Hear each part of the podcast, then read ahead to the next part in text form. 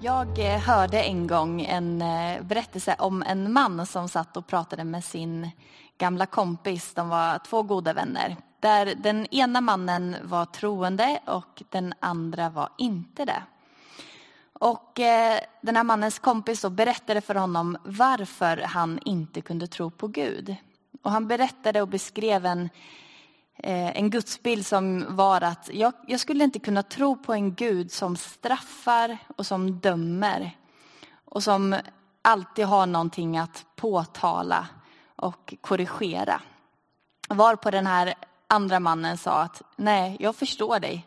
Jag tror inte heller på en sån Gud.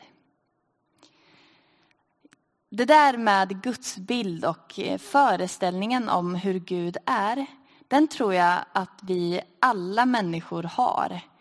Oavsett om vi tror på Gud eller inte gör det så har vi nog någon slags uppfattning om vad vi, hur vi tänker att Gud är ändå.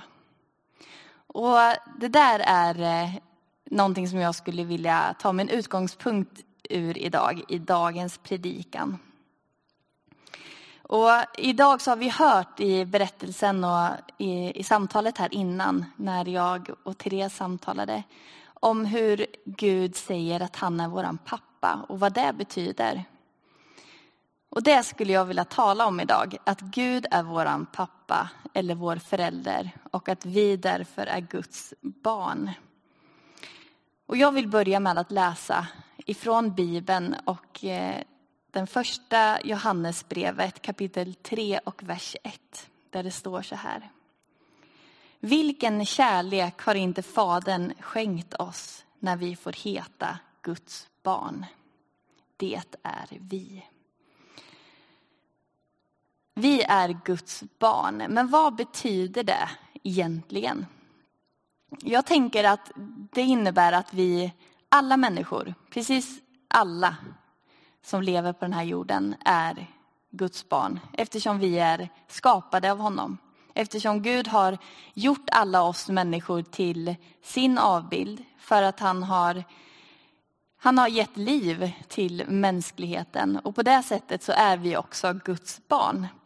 Men samtidigt så är det så att Bibeln talar om att, att vi också kan få bli Guds barn.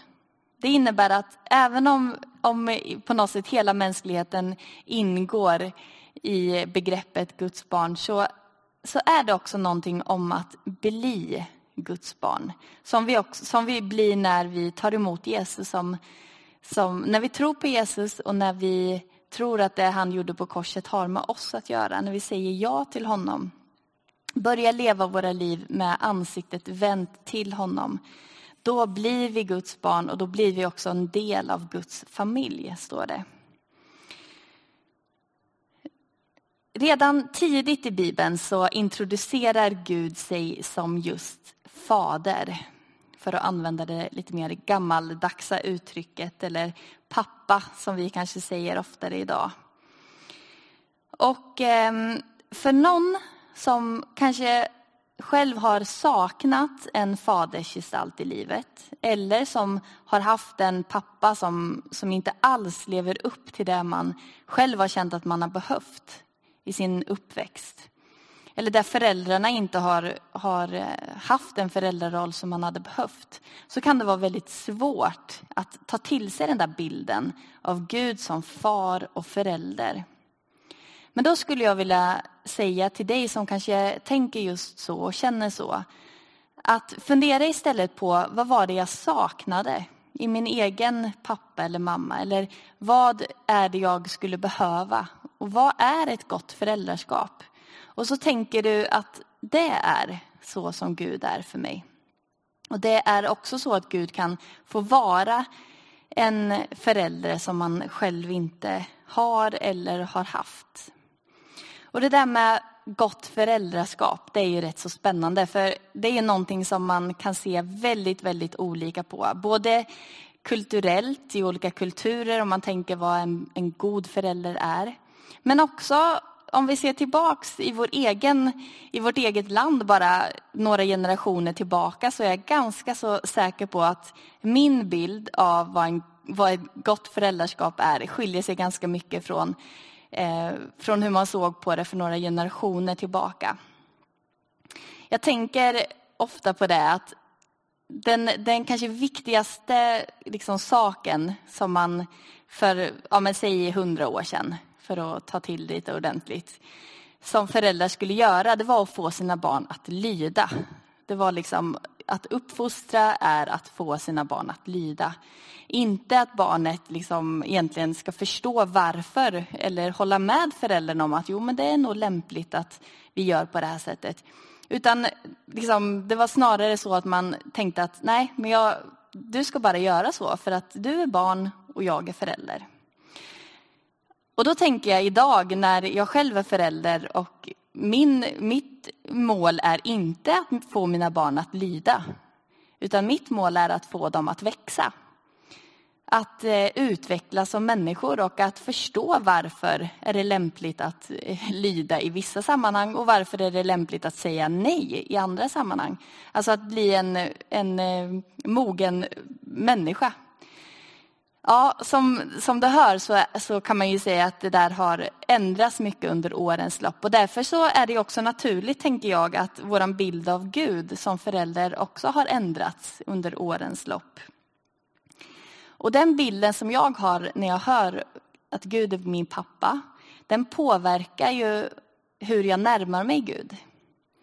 Det gör det ju i föräldraskap också att om jag tror att ja, men jag kommer till Gud nu, eh, jag har, vi säger att jag har gjort någonting som jag skäms över själv och som jag vet att det här, nu har jag skadat liksom, kanske någon annan, sårat någon och så vet jag att ja, men Gud har sagt att man ska älska sin nästa, att Gud har sagt att man ska förlåta och det har jag inte gjort. Och om jag då tänker att Gud är besviken på mig, Gud hade önskat mer av mig och nu är han riktigt, riktigt liksom, ja, han är besviken och han kommer att tillrättavisa mig och eh, ja, men jag känner mig kanske dömd redan innan. Risken är ju då med den bilden av Gud att jag inte kommer vilja närma mig honom. Utan kanske snarare ta ett steg ifrån hålla mig lite på avstånd, tänka att jag vet redan vad Gud tänker om mig. Jag vet redan att han är besviken. Och så blir det där ett distans, distanserat relation. Och jag tror tyvärr att det är så i många fall. Kanske där man har varit troende under en lång tid och man kanske vet lite för väl nästan vad, vad livet som kristen ska innebära. Och så vet jag också för väl hur mitt liv ser ut. Och, och har jag då den bilden av Gud som, som den som tillrättavisar och är besviken så blir det en distans. Men om jag istället tänker att Gud vill möta mig. Gud längtar efter att jag ska komma till honom. Gud vill bara mig väl. Då är det istället en stor chans att jag möter Gud för att jag kommer till honom. I mitt liv så kan jag konstatera att det är så ganska ofta. Att jag vet vad Gud, eller jag tror mig veta vad Gud tycker och tänker om mig.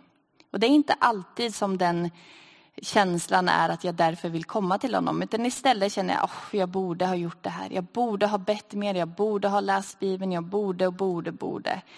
Men jag vill inte, jag vill inte leva så. Jag har jag har bestämt mig och jag försöker påminna mig om det. Att jag vill komma till Gud för att jag vill det, inte för att jag borde det. Och det tror jag man ska vara uppmärksam på som kristen. När det där börjar bli så. När den känslan av skuld kommer istället för en, en längtan. Ja, men det, är inte, det är inte Gud som ger den skulden. Det är inte Gud som ger den känslan. Och jag skulle vilja dela med mig av ett sånt tillfälle. När jag, eh, ja, men jag, jag hade en period, tror jag, det var, det var ett tag sedan, när jag, när jag skuldbelagde mig ganska så mycket. Och så var det en person som kom in där jag jobbade på den arbetsplatsen i en kyrka. Han kom in på mitt kontor och så sa han bara, du Linnea, jag skulle bara vilja säga en sak till dig. Jag tror att Gud säger till dig att, att Gud älskar dig och att han ser på dig med bara kärlek. Och jag eh, tror att jag bara, jaha, ja tack, sådär. Det, det har man ju hört innan ungefär. Tänkte inte så mycket på det och kände inte heller särskilt mycket. Men, men sen gick jag ut från kontoret, gick ut på en promenad och så gick jag till en blomster, ja det var som en, en stor rabatt med väldigt mycket planterade blommor. Och stannade jag upp och så tittade jag på blommorna som växte där. Och så, tog jag, så gick jag ner på knä och så tittade jag nära en sån där blomma och så tittade jag på den och så var det som att Gud sa till mig, Linnea, du är som den blomman. Du är lika fantastisk, du, eh, du är perfekt, du är skapad underbar. Du är lika speciell som den blomman är, utslagen och vacker. Och så tänkte jag, precis som vi kan ta den här blomman, ja, men jag såg och tittade på den och så kände jag det. Jag kände att Gud ser på mig så som jag ser på den här fina vackra blomman. Och det blev väldigt speciellt för mig. Och det tror jag att Gud vill säga till dig idag också. Och nu ska vi lyssna på en sång om att du är fantastisk. Nu så ska jag läsa ett bibelord ifrån första Johannes brev 3 och 18. Där står det så här. Mina barn, låt oss älska. Inte med tomma ord, utan med handling och sanning. Då förstår vi att vi är sanningens barn. Och om vårt hjärta dömer oss kan vi inför honom övertyga det om att Gud är större än vårt hjärta och förstår allt. Mina kära, om hjärtat inte dömer oss kan vi stå frimodiga inför Gud. Våra hjärtan kan döma oss ganska hårt. Vi kan döma oss ganska hårt. Lite så som jag berättade om hur vi ofta nästan berättar för Gud vad han tycker om oss. Att vi kanske förväntar oss någonting. Och jag tror att vi ska, vi ska vara rädda om oss själva och vi ska inte låta oss döma oss själva. För Gud har sagt att, att det är han som känner oss. Och även om vårt hjärta dömer oss, så som texten sa, så står det där att Gud är större än våra hjärtan och han känner oss.